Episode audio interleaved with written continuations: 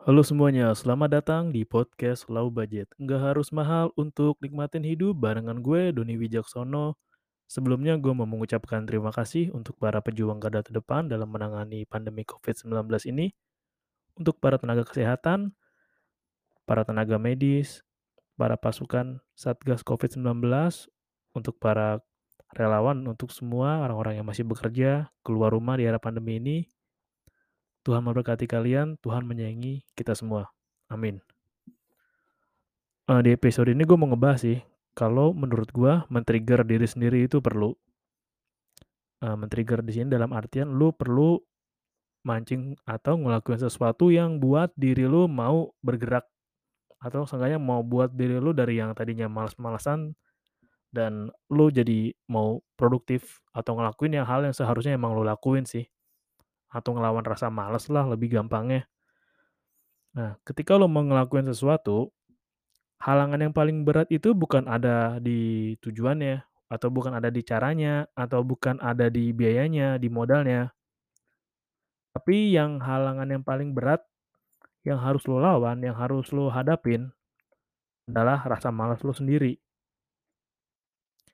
Eee, ini bukan hal yang tabu sih, bukan buat hal yang bisa dibilang ya norak, atau bohong, atau lebay, ya masa sih masa kita mesti ngelawan diri sendiri, masa kita mesti ngelawan rasa males? Ya leha-leha rebahan atau sendiri, atau istirahat sesekali ya nggak apa-apa. Iya emang nggak apa-apa, tapi ini emang realita. Dan emang seringnya kita lebih gampang diperbudak oleh kemalasan kita sendiri, dan itu gue juga termasuk kok. Ya emang jangan ditanya, ketika lo nurutin rasa males, nurutin lebih baik ya rebahan, selonjoran, atau ngopi, atau main game, emang nggak bakal ada habisnya. Dan ya tiba-tiba ketika lo asik menikmatin itu semua, udah malam, atau tiba-tiba udah mau pagi, dan lu ya lu belum ngapa-ngapain. Dan kalau gitu ujungnya pasti lu cuma ngedumel, "Ah, anjing, coba tadi gua produktif, coba tadi gua nggak males-malesan, coba tadi gua nggak rebahan." Nah, biasanya berakhirnya kayak gitu aja. Makanya menurut gua punya trigger untuk diri sendiri itu penting. Dan lu harus komitmen, plus lu harus patuh dengan trigger lu itu sendiri. Lu harus komit ketika lu melihat ini atau lu merasakan ini, lu harus gerak.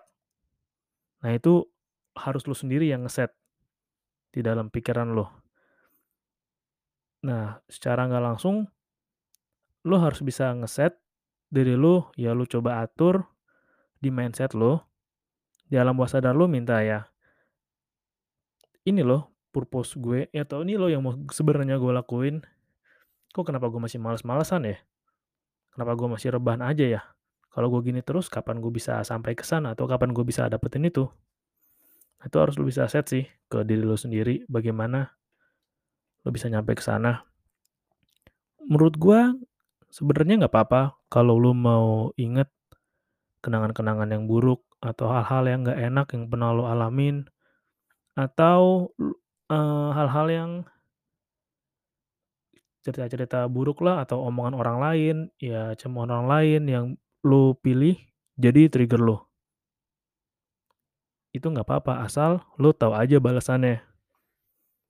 Karena ya rasa sakit dan emosi-emosi yang nggak enak itu, yang kenangan-kenangan yang buruk itu, dan hal-hal yang buat nggak nyaman itu, yang bikin orang berubah dan mendorong orang atau ya bikin lu mau ngelakuin sesuatu untuk mencapai tujuan lu atau seenggaknya lu mau bergerak deh menjalanin atau menikmati proses ke tujuan yang mau lu capai.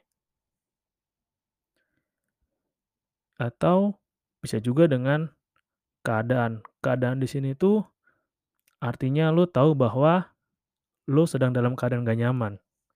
Nggak nyamannya sih bisa lebih ke perasaan ya.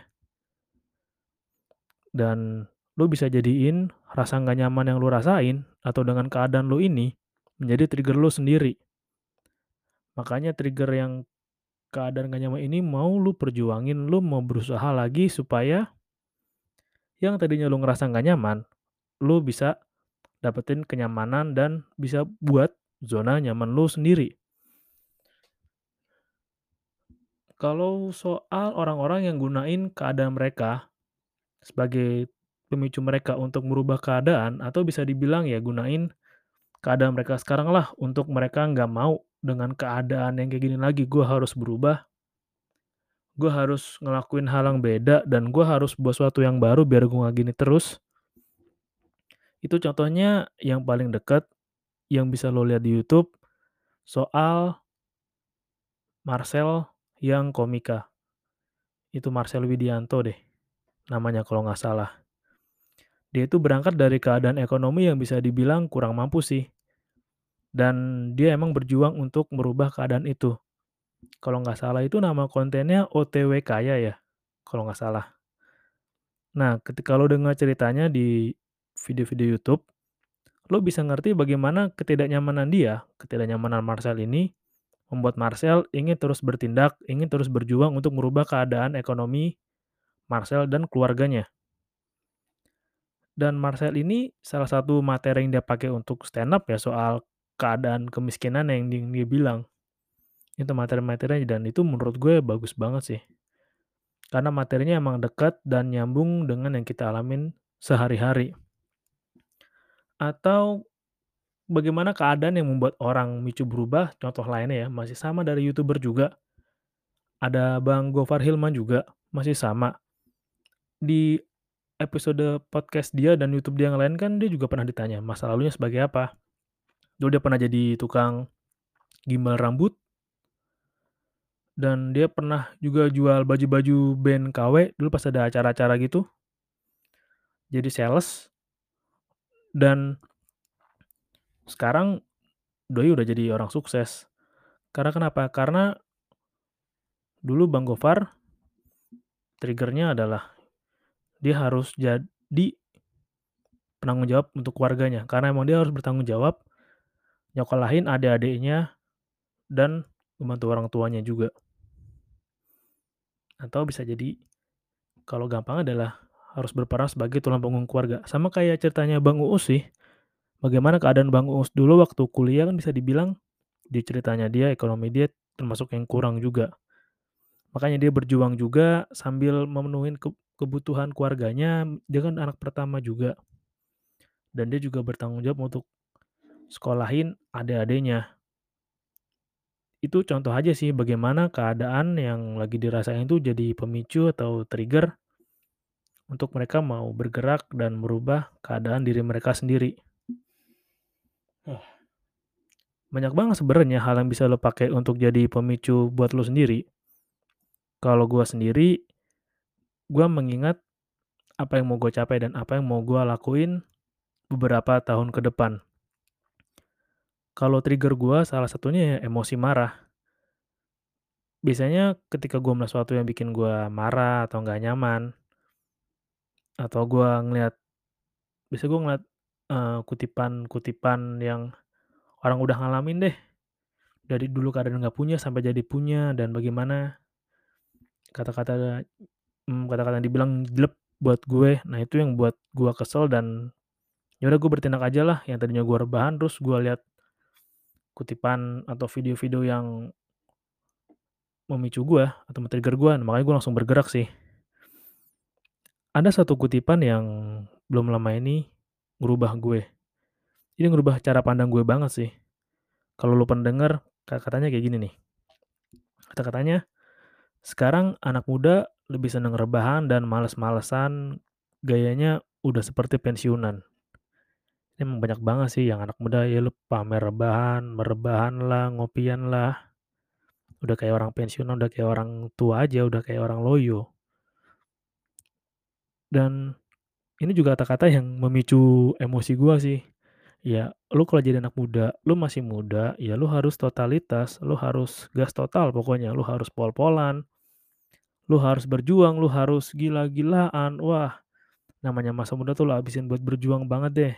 Nyiapin masa tua lu atau nyiapin nyiapin kehidupan lu berikutnya itu nggak repot dan nggak banyak beban. Karena ketika lu masih muda ya tanggungan lu belum banyak, beban lu belum begitu berat, dan lu masih punya jatah waktu untuk lu berbuat salah, ngerasain salah, dan belajar pengalaman. Sama kayak apa yang udah gue bilang sih di awal-awal podcast gue, ya gue nggak mau hidup tua dengan penyesalan akan hal-hal yang nggak sempet gue lakuin. Karena itu rasanya nggak enak sih ketika lu udah tua, lu udah nggak punya banyak tenaga, terus lu cuma duduk santai terus kebayang, "Anjing coba dulu gue berani ngelakuin itu ya, coba dulu gue ambil kesempatan itu ya." Gue nggak mau hidup dengan kayak gitu sih. Emang rasanya capek ketika dari pagi sampai sorenya lu udah capek, entah lu dagang, entah kerja, entah sekolah, kuliah, tapi ya emang lu harus paksa diri lu untuk usaha lebih. Kalau lu nemuin cara efektif untuk tetap produktif dengan nggak ngeluarin banyak tenaga, ya bagus. Kalau apa yang lu mau perlu tenaga, perlu fisik lah, perlu waktu lah, perlu pengorbanan usaha juga lah, yang tadi gue bilang tenaga sama waktu, ya lu harus keluarin itu sebagai pengorbanan ya. Ya termasuk juga ngorbanin waktu istirahat lo. Untuk hal ini, emang nggak ada jalan pintas selain lu persiapin diri lu sendiri. Kayak lu, meskipun lu punya banyak uang juga lu nggak bisa beli pengalaman kan, pengalaman itu harus lu yang jalanin dan ngerasain. Seenggaknya meskipun lu baca buku yang bagus atau banyak, itu hanya jadi referensi lu bukan pengalaman yang bener-bener lu rasain sendiri sih. Itulah yang bedain seorang profesional, seorang yang punya skill tinggi Pasti dibayar mahal karena banyak banget pengorbanan yang udah dilakuin, dari jam terbang lah, dari mesti kursus lah, gagalnya lah, salahnya lah, berhasilnya lah. Itu ngebedain antara profesional dengan anak dari kemarin yang pengennya hasil instan. Ya jangan heran juga ketika lu pengennya yang instan, pasti itu juga nggak lama juga. Kalau lu udah nemuin trigger yang pas buat lu apa, tinggal lu kelola sendiri, tinggal lu ngatur waktunya sendiri. Tapi yang penting perhatiin juga soal tenaga. Karena emang waktu udah banyak, semangat udah tinggi, tapi tenaga lu kurang. Emang mungkin ketika masih do awal 20 lah tenaga lu banyak. Tapi menurut gua ketika lu bener-bener mau ngulik hal yang mau lu ulik, itu tenaganya emang harus lebih lagi sih, dan jangan sampai lu ngorbanin kesehatan. Ya ketika lo mau ngerokok atau minum terserah sih, cuman kan kalau lu melakukan pembenaran kayak, "Oh yaudah nih gua kalau gua nggak udut, gua nggak fokus, kalau gua nggak minum, gua nggak rileks, gua nggak bisa bikin hal yang bagus atau nggak bisa bikin karya yang oke lah." Ya hati-hati juga terhadap kayak gitu sih, karena efeknya itu baru berasa kan ya puluhan tahun mendatang. Kesehatan juga lu investasiin ya, makanya gue juga nggak tahu kenapa dari beberapa minggu terakhir Pola gue udah mulai berubah kali ya, udah mulai gue lagi belajar ngurangin kafein banget, belajar banget ngurangin kafein dan lebih paksa diri gue olahraga. Karena olahraga selain bikin stamina gue nambah kuat dan bikin tenaga gue tuh bisa lebih lama. Jadi gue bisa lebih produktif ketika ngerjain sesuatu. Ya pokoknya males itu harus dilawan sih. Emang ma emang namanya udah rebahan itu asik banget, kayak lu cuma tiduran, main HP, scroll-scroll-scroll, lihat 2 menit 20 detik sambil tangan kiri lu masuk ke kantong gitu kan, nyari duit, sambil lu rebahan, kadang sambil ngudut, sambil ngopi tuh enak banget sih, kayak waktu yang chill banget lah. Tapi ya di luar sana banyak banget orang yang extra miles, yang, "Wah gue siap emang tidur kurang deh, gue siap jajan kurang deh, gue siap ngorbanin waktu gue deh sekian tahun, buat nyiapin diri gue di masa depan." Ya emang kayak gitu polanya. Jadi ketika mereka udah berhasil, ya lu nggak boleh iri karena perjuangan mereka itu udah banyak dan pengorbanan yang mereka lakuin ya udah banyak. Lu nggak boleh iri sama orang-orang yang berjuangnya lebih jauh dan lebih gigih dari lu. Itu aja sih yang mau gua share. Dan ya lu harus punya trigger buat diri lu sendiri, biar lu nggak terjebak dengan kemalasan itu. Karena yang namanya udah kayak gua kemarin malam, udah enjoy banget gitu kan nikmatin video di YouTube, tadinya cuma semenit, 2 menit, tiba-tiba udah setengah jam, tiba-tiba sejam, tiba-tiba udah sejam setengah. Waktu gue tadinya mau bikin skrip atau mau bikin episode, kebuang, akhirnya gue harus tidur, besok juga harus kerja lagi. Gue sering kayak gitu dan gue nggak mau lagi sih sering-sering. Seenggaknya ya siapin waktulah, lawan sedikit rasa malas lu, lu kerja buat diri lu sendiri, investasi buat diri lu sendiri, lu baca kek, nonton video yang mendidik kek, ikut kursus online kek, ya setengah jam setengah jam lah sebelum ketika malam atau 15-20 menit lah buat baca-baca. Itu lebih bernilai sih dibanding lu entertain diri lu sendiri dalam waktu yang lama ya hasilnya cuma lu terhibur doang. Paling dapat pengetahuan juga nggak sebanyak yang lu dapat dari nonton video yang berfaedah atau dari baca. Oke, itu aja sih yang mau gua share. Terima kasih udah dengerin. Tetap jaga kesehatan. Jangan lupa olahraga. Dan jangan lupa kalau makan itu dikunyah 4 kali kiri, 5 kali kanan. Kalau nggak salah sih gitu ya. Nggak tahu deh, lu cari tahu aja sendiri. Oke, terima kasih udah dengerin. Salam low budget. Nggak harus mahal untuk nikmatin hidup. Thank you. Halo semuanya, selamat datang di podcast Low Budget. Nggak harus mahal untuk nikmatin hidup barengan gue, Doni Wijaksono. Sebelumnya gue mau share info penting nih. Ternyata susu kental manis itu nggak boleh diseduh ya. Jadi cuma boleh topping aja. Ya buat lo yang biasa pesan susu kental manis diseduh di warkop, coba deh kurang-kurangin. Katanya sih nggak dianjurkan karena asal karena soal kesehatan dan juga soal kandungan gulanya berlebih sih. Gue mau disclaimer dulu ya. Episode yang ada di podcast gue rata-rata ada dari keresahan, ada yang dari titipan temen untuk dibahas, ada yang keresahan muncul setelah deep talk dengan beberapa orang. Ada yang ya share unek-unek aja sih. Atau gue berbagi aja apa sih yang hal-hal yang bikin gue sebel. Dan di episode ini gue mau sharing sih. Ada beberapa hal yang nggak boleh lu ledekin. Nah, sebelum masuk sih gue pengen bilang dulu bahwa ini hal nggak boleh lu ledekin atau lu bercandain deh. Terutama ketika lu lagi di tongkrongan. Nah, kalau misalkan lu lagi di acara stand up atau di panggung komedi atau lagi ada lomba audisi lah audisi komedi nggak apa-apa sih karena gue percaya hampir ya semua hal lah bisa dipercandain. Yang penting lu tahu konteksnya dan lu bawainnya pas lagi di mana. Ya jangan sampai hal-hal yang seharusnya ada di panggung tapi lo bawa buat obrolan di tongkrongan. Karena itu udah beda segmen sih. Dan udah beda lagi audiensnya. Ketika lu datang ke acara komedi kan ya ibarat kata lu datang deh ke acara stand up nonton konser stand up komedi lah audisinya lah atau open open mic-nya lah. Lu datang ke sana untuk terhibur untuk cari kesenangan untuk ngelepas penat lu lah. Ya ketika lu datang di acara komedi ya lu harus lepasin semua beban yang ada di itu lu sih di pundak lu lu lepasin semua normal-normal lu lah lu kesampingin dulu lah. Hal-hal apa yang lu nggak suka yang lu nggak nyaman atau hal yang sensitif buat lu ya karena ketika lu ada di acara komedi ya lu hanya ingin menikmati komedinya aja. Bukan ngebawa itu serius ke dalam diri lu. Itu menurut gua sih tapi disclaimer dulu ya sebelumnya. Nah ini menurut gua ada beberapa hal yang menurut gua nggak etis banget atau bisa dibilang ya jangan deh jangan lu bawa pas lagi di tongkrongan.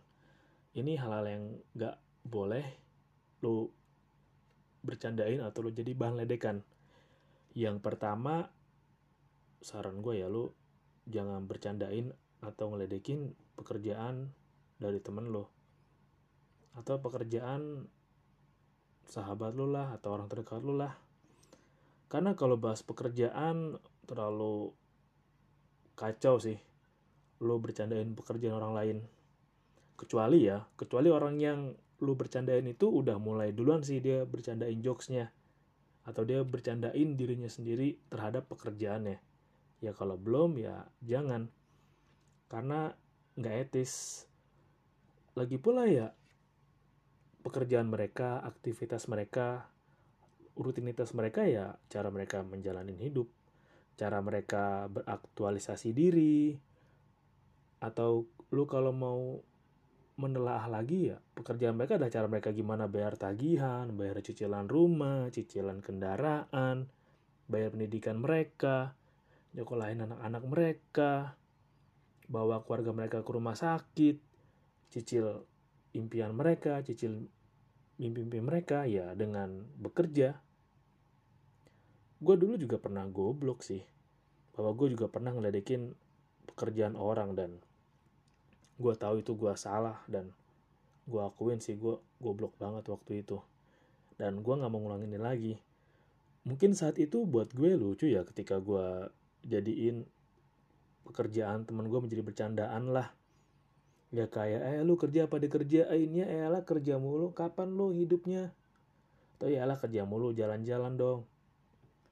Ya menurut gue itu gue salah dan gue tahu sih. Emang ada orang-orang yang jadiin rutinitas mereka, pekerjaan mereka buat mereka hidup. Ya menurut gue fine-fine aja kalau mereka happy kan. Ya walaupun mereka kerja gila-gilaan, nggak tahu waktu, atau ya bisa dibilang mereka kerja overload lah. Tapi kalau mereka nyaman ya ya udah. Dan emang gue salah sih saat itu dan untungnya gue udah sadar dan gue udah perbaikin diri gue. Ya ini juga lo nggak bisa menampik atau lo bisa menolak kenyataan deh uh, hobi mereka, kesenangan mereka, ya semua bisa mereka penuhin karena pekerjaan mereka, karena aktivitas mereka.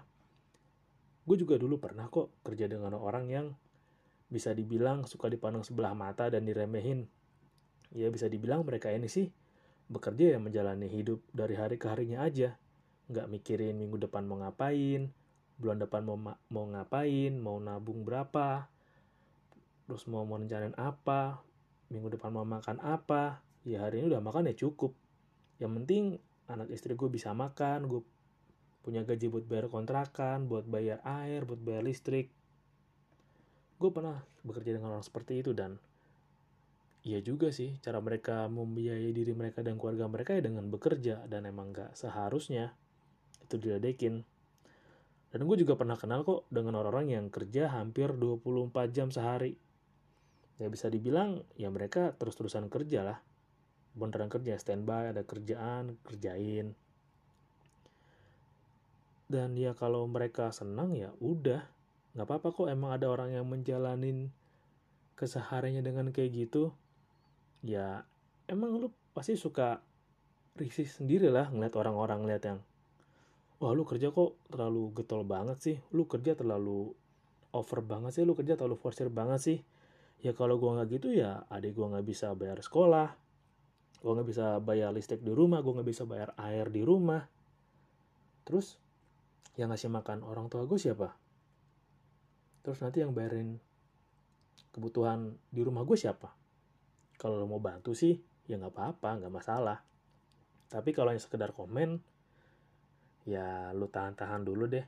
Lu punya pilihan kok untuk nggak komentarin apa yang nggak semestinya lo mau komentarin. Lo punya pilihan dan hak untuk memilih ya udahlah gue simpen dalam diri gue aja nggak perlu gue ungkapin atau nggak perlu gue komenin dan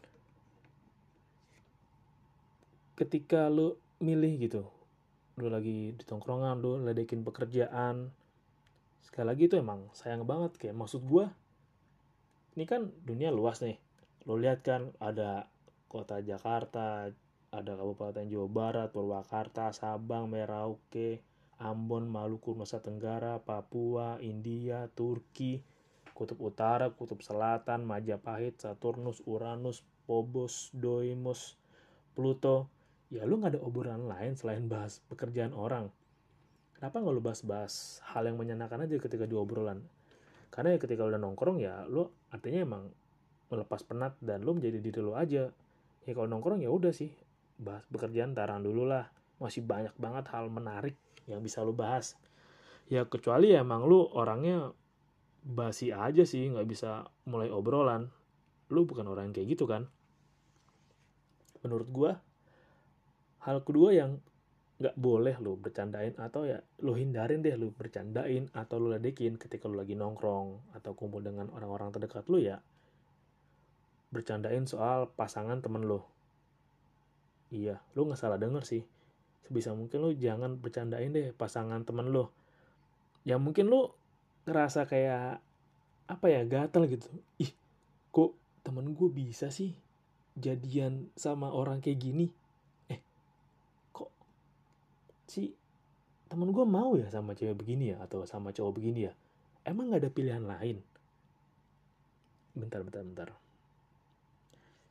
Iya, pasti ada aja sih yang nggak setuju sama entah pasangan dari temen lo atau pasangan lo nggak setuju sama pasangan dari om lo atau lo nggak setuju dengan pasangan saudara lo, ipar lo, entah alasannya mau karena fisik, bukan ya non fisik, sifat misalkan atau keadaan atau misalkan tabiatnya nggak setuju itu boleh, boleh banget, tapi bukan buat bahan bercandaan. Iya, misalkan lu jadiin kekurangan dari pasangan temen lu, lu jadiin bercandaan ya. Misalkan deh kayak, ah si Anu, misalkan ah si sebut aja namanya Ani lah ya. Ah si Ani, tahu lu but, di Budi ini pacarnya Ani. Tahu lu but, lu Ani lu biasain mulu jajan boros, emang agak bisa lu ajarin masak apa? Nah, lu hindarin kayak gitu sih. Karena itu masuknya ranah pribadi orang dan ya bukan seharusnya lo ikut campur di situ. Dan iya sih gue juga pernah ngelakuin kesalahan ini lagi. Rasanya emang ya gue merefleksikan diri aja gue pernah berada dalam hal-hal goblok itu gue pernah ngelakuin hal bodoh itu dan ya saat itu gue emang gak setuju sih temen gue jadian dengan orang yang nggak banget. Walaupun akhirnya bad ending sih buat temen gue karena emang temen gue ini dibilangin gak percaya. Dan waktu itu ya biar temen gue putus deh. Karena ya kita tahulah sifat orang ini tapi ya itu salah sih. Ya kalau hubungan mereka ya hubungan mereka aja bukan ranah lo dan bukan siapa lo untuk komentarin mereka. Ya kalau mereka curhat ya udahlah. Kalau mereka mereka cerita ya udahlah. Bukan berarti lo mesti bahas mereka ketika lo lagi di tongkrongan. Tujuannya mungkin baik sih. Tujuannya mungkin kayak, oh ini deh supaya teman gue mm, nggak mm, disakitin. Atau misalkan teman gue nggak dikecewain deh. Atau ya gue pingin teman gue sih dapat lebih baik dari dia lah. Ya tapi kan yang ngejalankan teman lo bukan lo kan? Ya kalau misalnya lo mau nggak setuju mending sih ke arah sifatnya aja yang lu bercandain jangan fisiknya. Ini pelajaran dari gue juga sih. Iya lu kalau mau nyebelin ya kelakuannya aja jangan fisiknya yang lu mau bercanda ya kelakuan yang ya mungkin parah banget lah ya. Untuk aja punya track record yang buruk bercandain itu daripada fisiknya. Karena keadaan fisik juga bukan kita yang nentuin. Dan kalau soal fisik ya ada yang karena bawaan kan.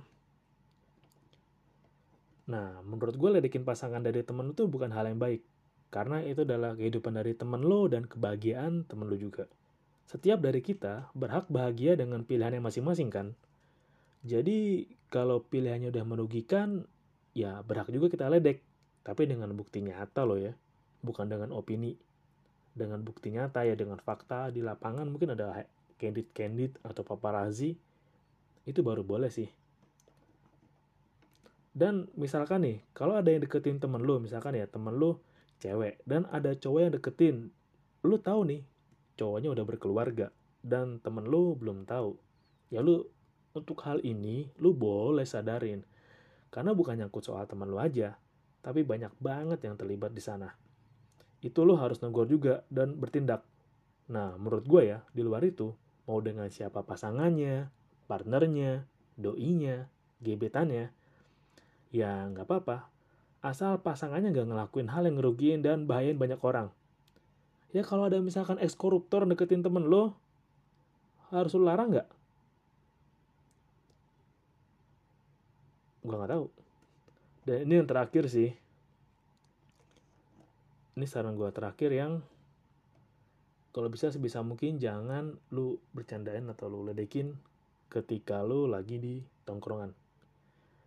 Biasanya gini intronya, kayak orang sih suka ngeledekinnya begini kayak ya elah ngapain sih di kayak bocah alah buang-buang waktu doang daripada gitu mah mending gini aja ini menurut gue kata-kata yang bangsat sih. To be honest itu bangsat. Yang terakhir ini soal hobi. Iya hobi. Kayak yang pernah gue bahas di episode berikutnya pelarian dari rutinitas ya hobi. Oh maksud gue apa yang pernah gue bahas di episode sebelumnya pelarian dari dun duniawi. Ya hobi. Karena yang bikin lo tetap jadi diri lo ya lo ngelakuin hobi lo yang buat lo tetap waras ya lo ngelakuin hobi lo. Itu hobi lo favorit lo keluar duit juga duit ya dari dompet lo kan. Mau lo hobi motoran kek mau hobi San Morian kek ya mau hobi modif motor ya terserah itu motor lo yang bayar perawatannya lo yang bayar cicilan motornya lo yang ngendara motor juga lo kan. Kalau hobi lo main monopoli ya lakuin aja kalau bisa lo perbanyak lah beli Afrika sama beli New York satu baris tuh kalau hobi lo main PS ya udah lakuin aja kalau main PS bikin lo happy lo main Tenchu main Winning Eleven yang Roberto Carlos taruh depan yang semua pemainnya 19-19 semua. Hobi lo ya, bukan rutinitas. Makan itu bukan hobi. Karena kebutuhan, kecuali buat diulas, atau lo traveling demi coba kulineran. Itu baru, makan bisa disebut hobi. Tidur juga bukan hobi. Hobi yang paling seru ya hobi yang lo seneng lakuinnya dan lo dibayar. Ini kayak goals banget sih ketika lu punya hobi lu seneng ngelakuinnya dan lu dibayar beh itu life goals banget kayak lu ngejalan hidup enteng banget deh lu udah ngelakuin hal yang suka hal yang lu cinta banget dibayar lagi. Apalagi harganya masuk. Wah itu udah nikmat dunia banget sih.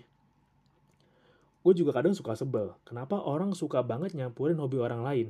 Dan ngatur-ngatur yang baiknya itu mesti hobi yang kayak gimana, hobi yang ya standarnya kayak apa. Yang gak cuma soal hobi sih, tapi soal banyak hal juga.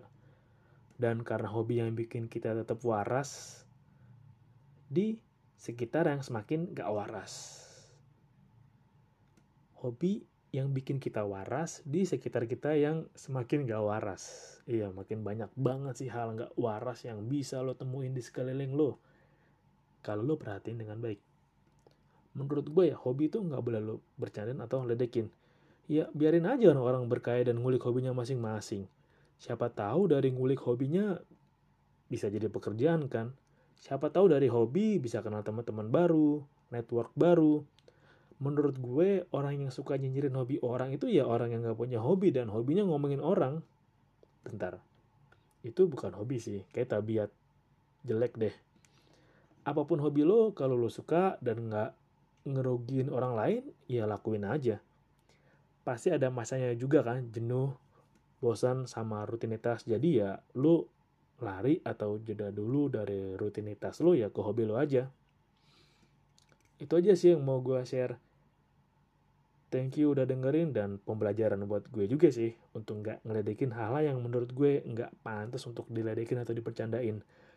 Karena masih banyak obrolan dan pembahasan lain yang masih banyak banget bisa diomongin dari hal-hal yang gue sampein di atas tadi untuk nggak diladekan atau dipercandain.